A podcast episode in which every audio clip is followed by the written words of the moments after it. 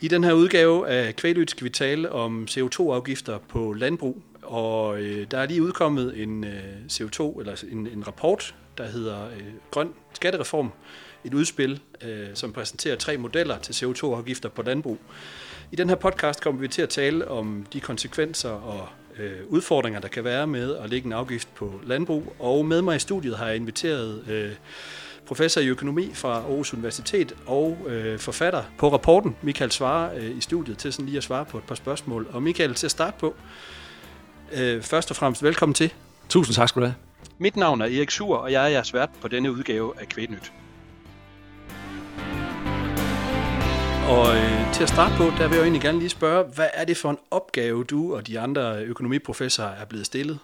Jamen, det var en opgave, vi fik for efterhånden en del år siden, hvor man havde besluttet en klimalov, hvor målet det var, at man skulle reducere udledninger af drivhusgasser fra dansk territorium med 30 procent inden 2030, 70 øh, procent inden 2030 i forhold til den 90. Sådan var det. Og så blev vi bedt om at sige, okay, hvis man gerne vil nå det mål, og det på det daværende tidspunkt manglede der i omegnen af 10 millioner ton CO2, før man nåede det, hvordan kunne man så gøre det med forskellige reguleringsmetoder, øh, inden for industrien, inden for transport, inden for affald, inden for landbrug. Og i første omgang skulle vi kigge på industrien med videre, og så skulle vi kigge på de ikke energirelaterede udledninger i landbruget sidst, fordi det var det, man vurderede var sværest, og det viste sig også, det var. Og så lavede vi en rapport på industrien øh, i 22, som medførte, at politikerne besluttede en grøn skattereform for industrien. Og så har vi så siden arbejdet på, på landbruget. Og det, der er vores Øh, så man sige, kommissorium, det er sådan noget, man arbejder ud for, det er at sige, jamen, hvem skal nå det her mål med forskellige reguleringsværktøjer, og de reguleringsværktøjer, de skal så afveje forskellige principper, og det ene, det er et princip om omkostningseffektivitet, altså hvordan gør man det sådan, at det har de lavest mulige samfundsøkonomiske omkostninger, og den anden ting, det er så, at man også gerne tage hensyn til erhvervsstruktur, altså der skal ikke ske for store ændringer af den eksisterende erhvervsstruktur, man skal tage hensyn til, at der kan, hvis man påvirker erhvervsstrukturen i Danmark, sådan at produktionen falder, og vi stadigvæk efterspørger de varer, som den produktion producerede, jamen så efterspørger vi varerne fra udlandet, og så er produktionen i udlandet, og så flytter man så at sige bare udledninger fra Danmark til udlandet, og så opnår vi ikke nogen samlet klimagevinst. Det er det, man kalder lækage. Så det var også noget af det, vi skulle tøje det for. Og så skulle vi også tænke til, at det ikke skulle have en stor indflydelse på en social balance, og vi, endelig så skulle vi også sikre, at de offentlige finanser, de var sådan skadesfri, øh, at vi kunne ikke bruge en masse penge, det var heller ikke meningen, at det her det var nogle afgifter, der skulle bruges til at finansiere krigen i Ukraine, eller øh, større nummeringer i børnehaven og sådan noget. Godt. Det lyder som en relativt kompleks opgave, øh, I har fået stillet jer, og det kan man jo også se på den her 241 sider lange rapport, som udkom øh, for to dage siden i, i talens stund. Øh, og sådan til at starte på, hvordan har det egentlig været at være i den her proces? Som du siger, det har været en proces, der har strukket sig over et par år efterhånden. Hvad, hvad har det været for en proces for jer som, som økonomiprofessorer at, at arbejde i? Jamen, det har været en kompliceret proces, fordi altså, jeg vil sige, på industriens område, der gjorde man egentlig det, man gjorde i forvejen. Altså, der er rigtig meget, der er reguleret i forvejen. Der er nogle, nogle virksomheder, der er i EU's kvotesystem, der er nogle virksomheder, der ikke er i kvotesystem, men som i forvejen betalt enten energiafgifter eller CO2-afgifter eller en kombination af det. Så selvom det selvfølgelig var kompliceret, og man skulle tænke sig om, så var det så, så brugt med nogle eksisterende knapper. Og der er kompleksiteten altså lige steget en grad, når vi er hoppet over på, på de ikke-energirelaterede udledninger fra landbruget og skovbruget, fordi der er ikke noget. Altså der er ikke nogen regulering, og det er der sådan set, eller i hvert fald ikke nogen regulering, der er baseret på afgifter. Og det er der heller ikke i udlandet. Så vi startede, det er måske så lidt en, en dårlig analogi, men vi startede på en bar mark, og så skulle vi bygge op der, og det har bare været svært. Og der har været mange ting også, øh, som, øh, hvis jeg skal være ærlig at sige, som vi måske ikke vidste så meget om, da vi startede, som vi er blevet klogere og klogere og klogere på. Og så på et eller andet tidspunkt, så har vi så følt os nogenlunde sikre, og så har vi så prøvet at kaste os ud i at sige, hvad, hvad for nogle modeller kunne der så være, der kunne nå de mål under de øh, begrænsninger, som vi nu er blevet pålagt af kommissoriet sådan set med jeres faglige briller, hvad, hvad er så øh, sådan den, den, den største forskel på at regne på industriemissioner og, og så den biologiske emission øh, fra husdyr, som jeg går ud fra, det der er den, den helt svære. Øh, øh, hvad, hvad er forskellen på de to ting? Jamen altså, man kan sige, som, som jeg sagde lige før, så på industrien, der har man egentlig i mange år øh, reguleret udledninger. så man har sådan rimelig godt styr. Selvfølgelig er der også usikkerhed på, hvor meget en, Audi den udleder, og hvor meget en skorsten udleder på Aalborg Portland og sådan noget. Men man, man har sådan nogenlunde styr på det, selvom der er usikkerhed. Og der på, når vi kommer på landbrugsområdet, så er der større usikkerhed. Det er jo meget, nu har der lige været en diskussion omkring lavbundsjord, hvor det er jo meget tydeligt, at der er en kæmpe usikkerhed. Og det gælder sådan set alle de udledningskilder, der er på landbruget. Altså det gælder både i forhold til skoven, og det gælder i forhold til lattergas øh, fra gødning, og det gælder også i forhold til husdyrene. Så der er noget usikkerhed, og det gør også, at så skal man selvfølgelig også lige tænke sig en ekstra omgang om i forhold til, hvad er så den, den korrekte måde at adressere de udledninger på, hvis man gerne vil have dem bragt ned. Ja, og øh, dem, der sådan følger en lille smule med i den der, de ved jo også, at, øh, at der er en masse andre forskere, som, som kigger på netop det her med emissioner, som hele tiden bliver klogere på at se, hvordan tingene udvikler sig. Eksempelvis er der en forskergruppe i, i Oxford, som for nylig har lavet en metode, der hedder GWP-stjerne, øh, som kigger lidt på, at metan ikke bare bliver i atmosfæren, men også forsvinder lidt. Hvordan omsætter man alle de der indtryk øh, til, til økonomi? Jamen, det, altså det er klart, som økonomer, der har vi jo selvfølgelig ikke noget som helst indsigt i det der. Så det vi gør, det er, at vi siger, okay, det er der nogen, der bestemmer for os. Og helt konkret, det vi gør, det er, det vil sige, at vi benytter de øh, regler, som FN har sagt, okay, hvis man skal omregne øh, koens udledninger til et eller andet, det vi kalder CO2-ekvivalenter, så bruger vi det forslag, som FN de bruger nu, når man skal indregne emissioner. Og så er der en masse forskning, og det, der sker med forskningen, det er jo, at når den så er veletableret, så kommer den ind i FN-systemet. Men det er klart, der tager noget tid, men det, det er den øh, usikkerhed, der er, det er den udvikling, der er. Og der siger vi, altså det er ikke vores kompetencer, der siger vi, okay, vi benytter de samme emissionsfaktorer, altså som, som Danmark bruger, når vi indberetter vores øh, udledninger til FN. Og de bliver så hele tiden, øh, eller sådan løbende, der bliver de jo ændret. Øh, og lige nu der kører man så efter et system, og blandt andet i USA, der har man, når man, der indberetter man selvfølgelig også efter det system, men når man siger, at man skal lave beregninger på, hvordan man skal rådgive, så bruger man det nyeste system. Så, så der er sådan, altså, så der sker noget hele tiden, og det er jo, det er jo en meget dynamisk verden, og det, hvor man, det, det er ligesom vilkårene. Men vi siger, at vi bruger det, der er ligesom er det FN, de har sagt, det er det, vi gør nu. Og så når FN, de ændrer, hvilket de formentlig gør på den tidspunkt, jamen så må man jo følge med den udvikling. Og det vi så prøver at tænke på, det er, når vi så i vores modeller øh, siger, okay, hvad er så smart, så prøver vi at, at sige, okay, kan vi prøve at gøre det, så det på en eller anden måde er robust over for de ting, der sker. Men det er klart, det er svært, og især hvis der sker noget meget stort. Og det var faktisk det, der gjorde med lavbundsjord. Det var lige pludselig, så forsvandt der jo 2 millioner ton CO2 i den mango, som vi skulle indfri, altså for at opnå 70% målet. Okay, og det kan man sige, det er jo en væsentlig ændring i forhold til, hvis den hed 4,5 millioner tons i stedet for 2,5 Lige præcis, tons. det er ja. faktisk en ret stor, det er jo halvdelen. Ja, ja. i rundtal. Godt. Jamen øh, lad os prøve at kigge lidt ned i, øh, i selve rapporten. Jeg har øh, kigget en lille bitte smule på, på historikken i det. Altså, der har været nogle forslag frem om, at, øh, at CO2-afgiften, det skal være Altså, den skulle være incitamentsdrivende. Det vil sige, at hvis du opfylder en lang, lang række kriterier, jamen, så, kan du, så kan du eventuelt blive fri for at betale en CO2-afgift, øh, og, og derefter, når, der, når man så øh, har betalt sin CO2-afgift, så er der nogle penge, som så skal bruges til et eller andet. Kan, kan du forklare mig sådan ganske kort, hvordan... Øh, Altså kan man som landmand øh, være øh, klassens duks, øh, reducere sine udledninger tilstrækkeligt meget, og så betaler man slet ikke nogen CO2-afgift? Eller hvordan hænger det sammen? Ja, altså det, det kommer lidt an på, hvad du er for en type landmand, og, ja. hvad, du er for, og hvad det er for nogle type modeller. Som, som du tror også, du har sagt, så havde vi tre modeller, og hvis, hvis vi starter med jeg ved ikke, hvis vi tager en af dem, øh, vi tager, tager model 2, så det model 2, den siger, den siger, okay, der, vil, der er en afgift på 750 kroner per ton CO2, du udleder, og den skal du så betale, hvis du ikke gør noget, altså øh, baseret på den type dyreenhed, du har. Hvis du så for eksempel, og det, og det der er pointen med afgiften, det er at sige, okay, hvis jeg for eksempel så kan det koster 750 kroner, hvis jeg udleder et ton CO2. Hvis jeg kan reducere et ton CO2-udledning ved at bruge for eksempel fodtilsætning, der koster 450, jamen så sparer landmanden øh, 300 kroner i forhold til at betale afgiften. Og det er det, der er pointen med afgiften. Den skal give et incitament til at indføre virkemidler, som er billigere end afgiften. Så de reducerer tilsvarende i forhold til Yes. Så, ja. Men det vil sige, så, har, så frem for at have en udgift på 750 kroner, så har landmanden nu en udgift på 450 kroner. Så spørger du, kan han så slippe helt for at betale? Og det kan han ikke, men det vi så siger i den model, det er at sige, men så giver vi et bundfradrag på 375, så det vil sige, så får han bundfradrag på 375, så det han ender med at skulle betale, det er så afstanden mellem de 450 og de 375. Og der er så en pointe i forhold til EU's statsstøtteregler, fordi de siger, at hvis du betaler en afgift og du får en kompensation, så må kompensationen ikke udgøre mere end 80% af afgiften. Og det vil sige, at der er en, binding i forhold til, fordi hvis, lad os nu sige, at, øh, at du kunne nedbringe afgiften, så du kunne betale 200, og hvis så gav dig et bundfradrag på 375, så vil, det være, så vil afgiftsbetalingen være mindre end bundfradraget. Og det siger juristerne, og det er jo så heller ikke mit område, men det siger juristerne i, i, i Skatteministeriet eller i Centraladministrationen, at det må man ikke ifølge EU's statsstøtteregler.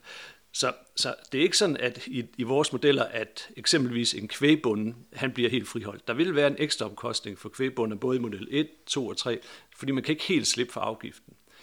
Vi har en, nogle modeller for plantebrug, og det er klart, at de rigtig mange landmænd, de har selvfølgelig en kombination af forskellige, men i, i, i vores model 2 og i model 3, der er det sådan, at hvis man er plantebruger, så er der ikke en ekstra økonomisk belastning i den model, hvor vi siger, at øh, hvis du, du kan få et tilskud til at nedbringe din, din gødning under gødningsnormen, og så bliver det finansieret af en omlægning af EU's øh, hektarstøtte.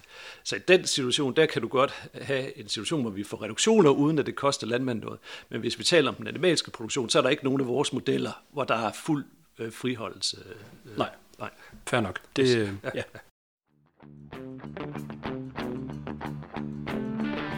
En anden ting, øh, som jeg i hvert fald har kigget en lille smule på, og jeg har også været i gang med min lille øh, lommeregner til husbehov, og nu må du så sige, hvis jeg er fuldstændig galt øh, afmarcheret, fordi i dansk øh, mejeriproduktion, der eksporterer vi cirka 80% af, af, af den øh, produktion, der bliver, bliver produceret. Øh, og i de tal, I havde med, der, der regnede I jo på, hvad det koste forbrugeren ude i den sidste ende, altså den ekstra udgift, der kommer med der. Og jeg har regnet en lille smule, øh, og det er i rundetal.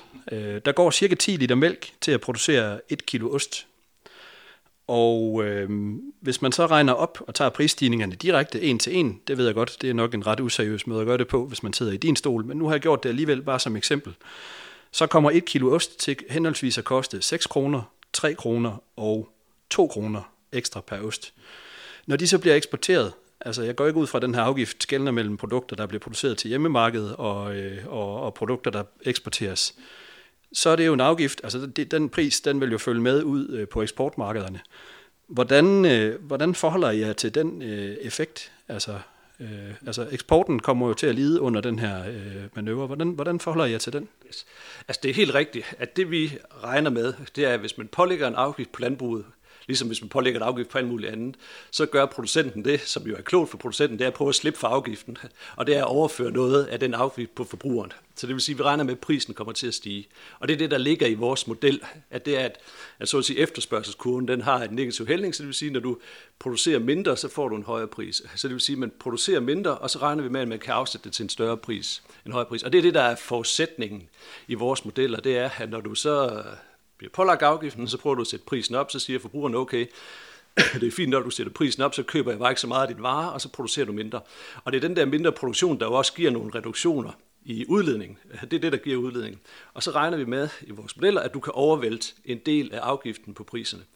Og det er klart, det er jo svært at sige, hvor meget kan man overvælte. Altså, kan du overvælte 0, eller kan du overvælte 100 procent?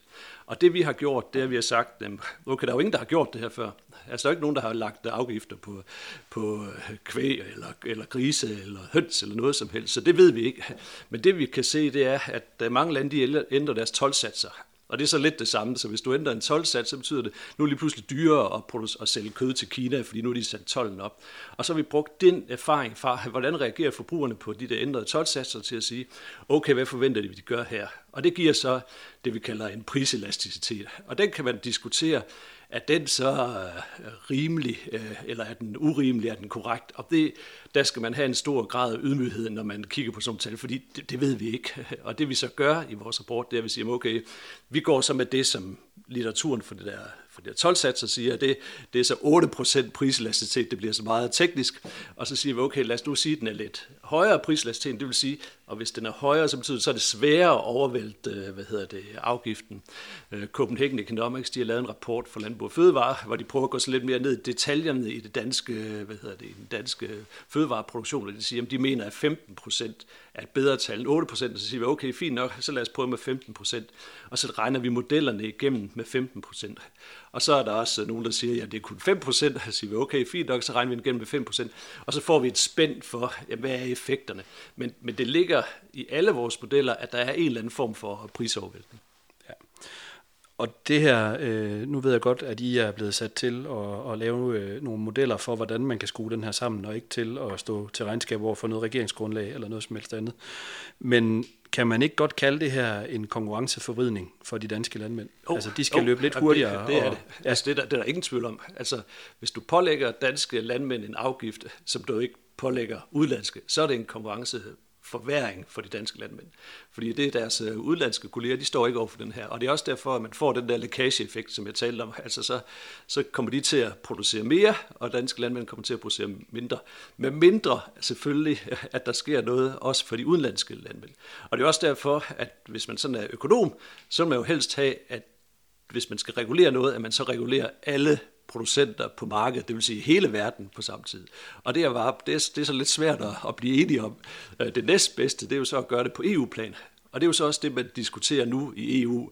Man diskuterer det lidt mere, nu diskuterer man det ikke så meget efter, der har været en, lidt, lidt palaver rundt omkring i de europæiske lande øh, med nogle landmænd. Og, men, men, men det er klart, set sådan fra sådan den økonomiske synsvinkel, så vil det være smart jo større en andel af markedet, man kan regulere på samme tid, fordi så får man ikke de her konkurrenceforvridning, og man får heller ikke det der lækage, altså at man flytter udledningerne til et andet sted hen, fordi klimaet er jo ligeglad med, om udledninger er i Danmark, eller i Yemen, eller i Shanghai, fordi klimaet det er globalt. Ja, lige præcis, og det bringer mig sådan set frem til et andet eksempel, jeg har taget med, og det, det er faktisk taget direkte fra jeres rapport. Øh, og det handler jo om øh, det her øh, halve kilo oksekød, som øh, kommer til at stige i, i afhængig af scenarie, men i model 1, som jeg har kigget på, der stiger det cirka 10% af jeres vurdering. Ikke? Det vil sige 4,5 kroner mere for et, øh, et halvt kilo dansk produceret øh, hakket oksekød.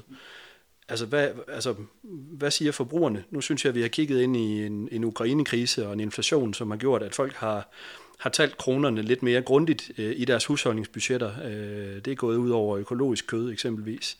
Øh, hvis der ligger to ens lignende pakker hakket oksekød, og du skal hjem og lave øh, kødsovs til, til ungerne derhjemme, altså er det ikke nærliggende at tro, at man vil vælge den fra Tyskland, som koster 4,5 kroner mindre og er blevet transporteret længere og Samtidig må man formode, at alle de her fine klimaaftryk, altså det sænker klimaaftrykket med afgifter og alt det der, som så de facto vil betyde, at den har en, et, et højere klimaaftryk. Jo, jo, altså helt sikkert.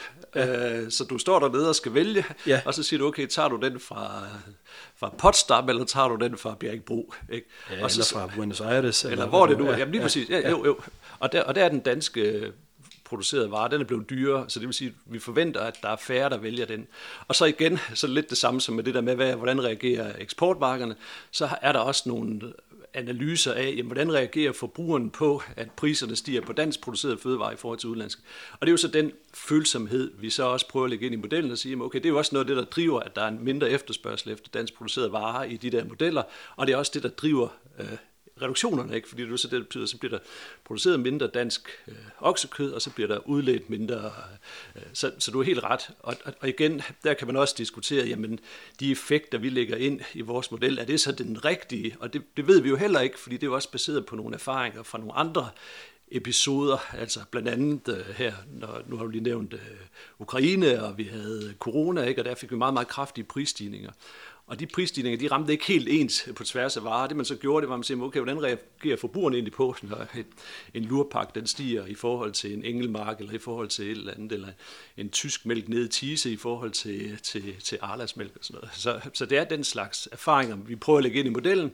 Så kommer der et eller andet tal ud, og i det her tilfælde, så er det jo 4,5 kroner, og det giver så en eller anden, øh, en eller anden effekt, som, som, som vi regner på, men som igen, som selvfølgelig er usikker. Så det er klart, at de 4,5 kroner, det kunne også have været 3 kroner, det kunne også have været 6 kroner, og så videre, så videre. Ja. Så lige for øh, at opsummere, øh, hvis vi nu skal se på de modeller, I har beregnet på, så kommer vi til at se, at de danske kvægbrugere kommer, ind og, kommer til at kigge ind i et, en, en sværere konkurrence med deres øh, europæiske og internationale øh, konkurrenter, øh, både øh, på eksport og, øh, og på hjemmemarkedet. Yes. Ja. Godt. Det, der skal ske nu med Svarekommissionens øh, modeller, det er, at de indgår i den grønne trepart, og der skal tages stilling til, hvad der skal ske politisk. Jamen Michael, jeg tror, det var det, vi nåede øh, for den her gang. Du skal have tusind tak for at, at komme med, eller være med i dag. Og øh, lige her til sidst, så vil jeg jo gerne lige gøre en lille smule reklame for, at øh, allerede om to dage, nemlig på mandag, der, der deltager Michael på årets øh, kvægkongres, så hvis du har lyst til at få uddybet den snak, Michael og jeg lige har haft, så er det bare at melde dig til og, øh, og skynde dig at melde dig til, øh, til oplægget op. Tak fordi du var med, Michael. Jamen tak fordi jeg måtte. Godt. Tak for nu. Tak for nu.